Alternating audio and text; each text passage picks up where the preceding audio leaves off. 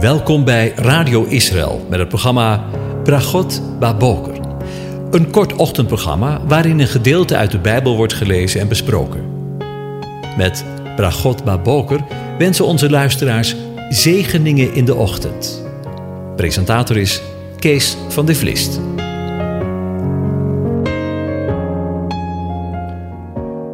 Goedemorgen, beste luisteraars. Vanmorgen gaan we weer verder met het overdenken van Psalm 45 en ik lees het opnieuw aan je voor. Bruiloftslied hebben de vertalers erboven gezet. Een onderwijzing, een lied voor de liefde.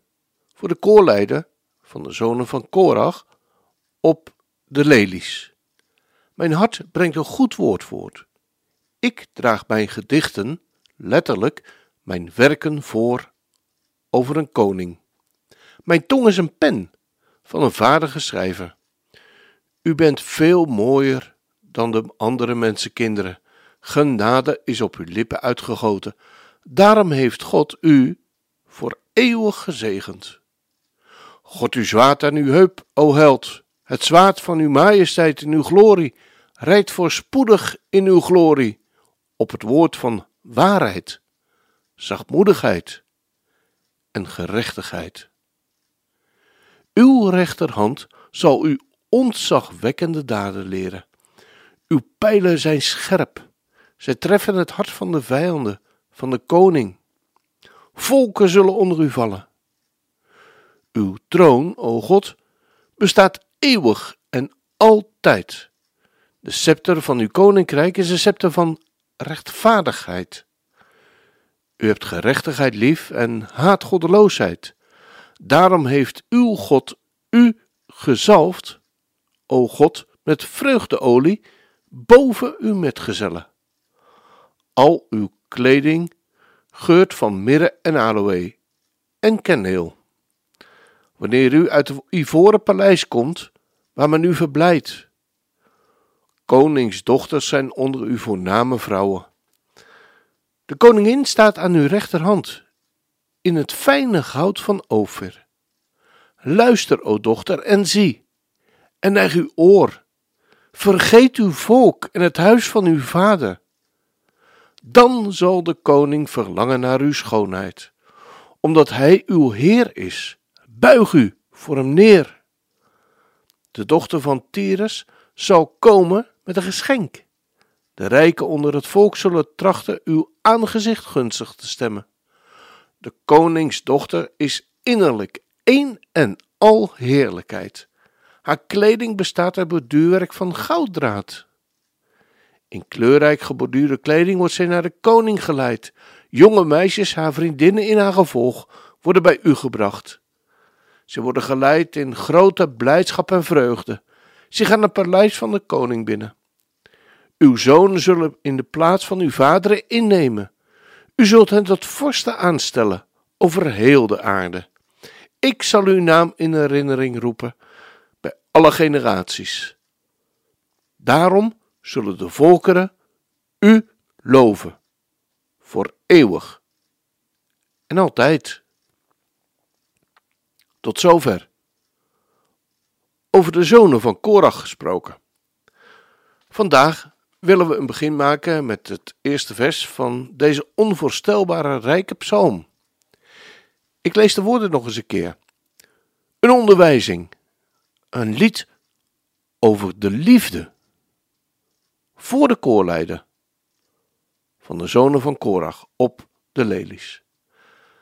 Vandaag wil ik met u iets delen over de kinderen van Korach. Misschien ken je die vreselijke geschiedenis wel. In nummer 26 lezen we daar uitvoerig over. Vader Korach, notabene een leviet uit de familie van de Kehatiten, had zich samen met zijn vorsten uit de stam van Ruben en een hele rij handlangers tegen de door de heren, JHWH, gegeven leiderspositie van Mozes en Aaron verzet. De heren JHWH antwoordde met oordeel. De aarde opende zich en verslond maar liefst 250 opstandelingen en hun aanhang. Vuur verteerde hen, zodat zij tot een teken werden. De zonen van Korach hadden zich, in overeenstemming met de oproep van Mozes, van de tenten van deze wetteloze mannen verwijderd. Ook al waren zij door nauwe familiebanden met hen verbonden. Hun verbinding met hun God was sterker, want we lezen in een korte opmerking, maar toch met een onvoorstelbare rijke inhoud in nummer 26 vers 11. Maar de kinderen van Korach stierven niet. Over het verdere verloop van dit bericht uit de Bijbel horen we ongeveer 400 jaren niets meer van de nakomelingen van Korach. Pas ten tijde van koning David worden ze weer genoemd. David en Samuel vertrouwden enkele van hen de leiding toe. Dat is opmerkelijk, want Mozes deed dat niet en God stond dat niet toe. Van hun gezang in het huis van God.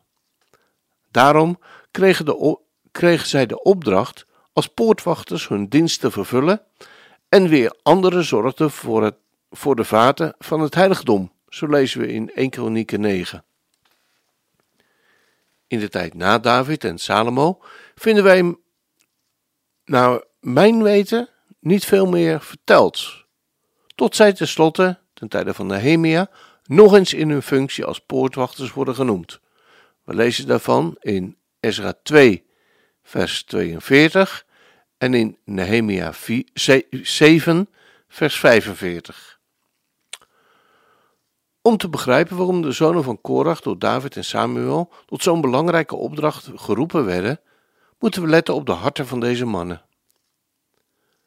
En daarvan vinden we iets in de psalmen, zo ook in deze psalm, psalm 45, waar we rechtstreeks een inkijkje krijgen in het hart van de zonen van Korach. Tien psalmen dragen in het opschrift hun namen. Het zijn de psalmen 42, 44, 45, 46, 47, 48, 49, 84, psalm 85, 87 en 88. En terwijl hun vader Korach zich verheven had, vinden we bij nakomelingen een diep gevoel voor de genade van God, waardoor zij in het oordeel niet mee omgekomen zijn. Deze genade maakt hen dankbaar en laat hen de door God gegeven taken in nederigheid en toewijding uitvoeren. Dat brengt mij tot het volgende uitstapje uit Psalm 45. En het brengt mij bij de volgende gedachte dat de Heere God de misdaad van de vaderen vergeldt aan het derde en aan het vierde geslacht, waarvan we lezen in Exodus 20. U zult zich daarvoor niet neerbuigen en die niet dienen, want ik, de Heere, uw God, ben een naijverige God, die de misdaad der vaderen vergeldt aan de kinderen, aan het derde en vierde geslacht van hen die mij haten, maar die barmhartigheid doet aan duizenden, van hen die mij liefhebben en mijn geboden in acht nemen. Wordt de zonde of de ongerechtigheid van het ene geslacht dus toegerekend of gewroken aan het volgende geslacht tot in het derde of het vierde geslacht? Vervolgens kunnen wij ook vaststellen dat deze gang van zaken in tegenspraak is met andere uitspraken in het woord, bijvoorbeeld uit Deuteronomium 7, vers 10 en Ezekiel 18. Hieruit blijkt namelijk dat iedereen persoonlijk verantwoordelijk is voor zijn daden en voor de Heere rekenschap moet afleggen. We lezen daar, en hij doet vergelding aan ieder van hen die hem haten, door hem om te doen komen, hem persoonlijk. Hij zal aan hem vergelding doen, aan hem persoonlijk.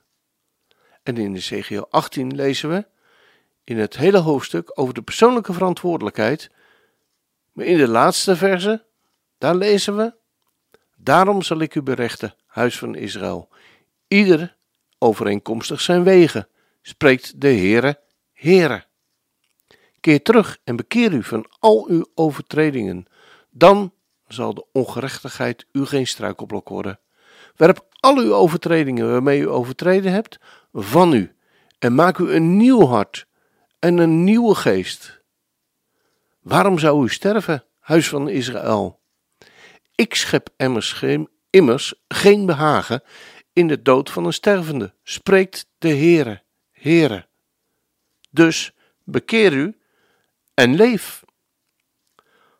Als JHWH dus zegt in de wet dat hij de ongerechtigheid bezoekt aan de kinderen, dan kan het dus niet betekenen dat de kinderen opdraaien voor de zonde van de ouders.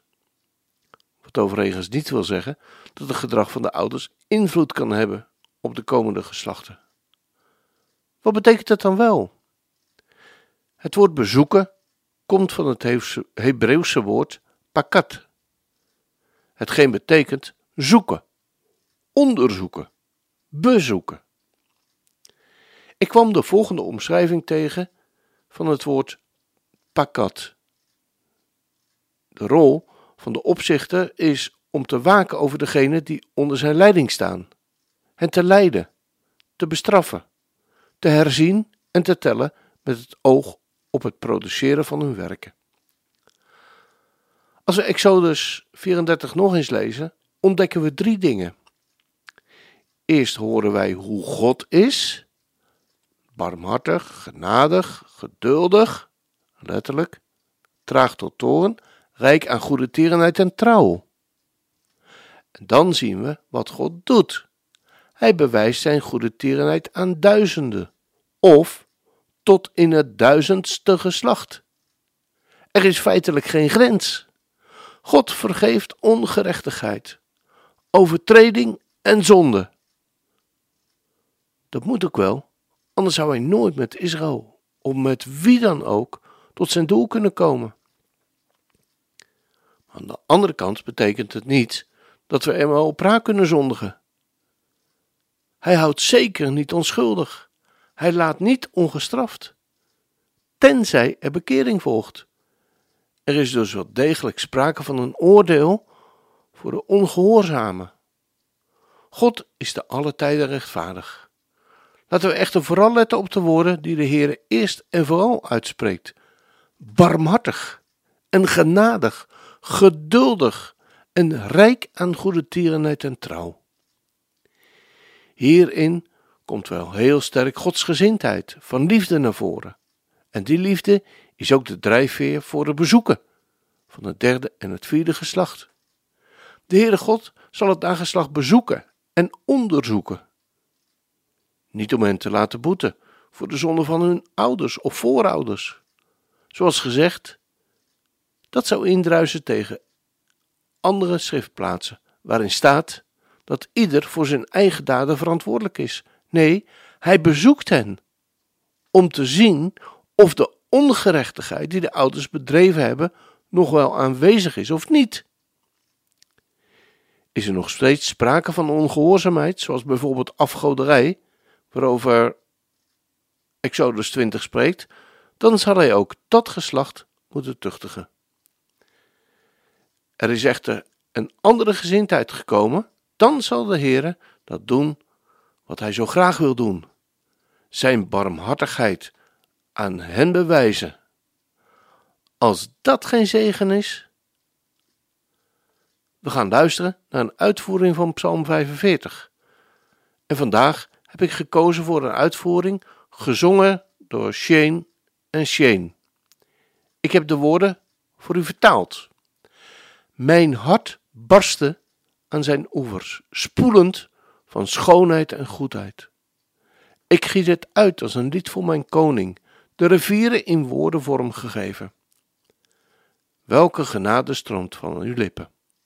Het geluid roept van de middernacht naar de ochtend. De melodie verandert mijn winter in de lente. Ik echo nu in mijn worship. Tienduizend sterk.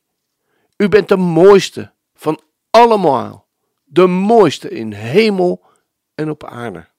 Van de mensenkinderen. U bent de mooiste van hen. De mooiste in hemel en op aarde. Uw hart barst uit zijn voegen stromend van bloed en water. Een lied van liefde dat uit de, dat uit de boom stroomt, zingend voor de vreugde die voor mij staat. U hebt uw bruid vrijgekocht op de dag dat u stierf, opgevaren in de hemel in glorie. Ze staat gekleed in het wit, met opgeheven hoofd zingend: Kom en keer terug in uw glorie. We gaan luisteren.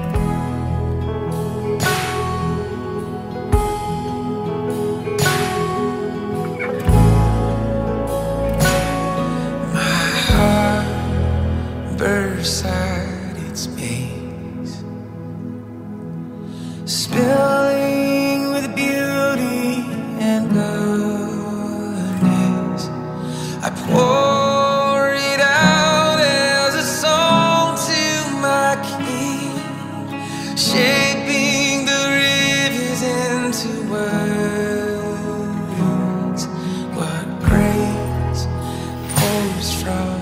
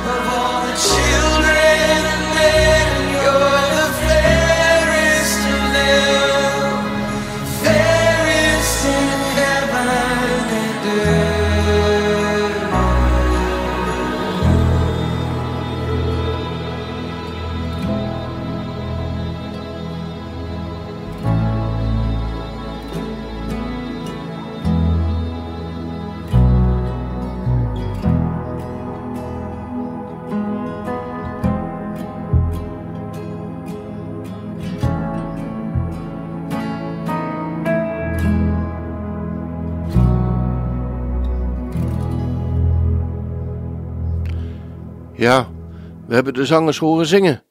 U hebt uw bruid vrijgekocht op de dag dat u stierf. Opgevaren bent u in de hemel, in uw glorie. En zij staat gekleed in het wit, met opgeheven hoofd, zingend: Kom en keer terug in uw glorie. En wie weet, zal er binnenkort zijn. Daar mogen we naar uitzien. Voor vandaag wens ik u een van God gezegende dag toe.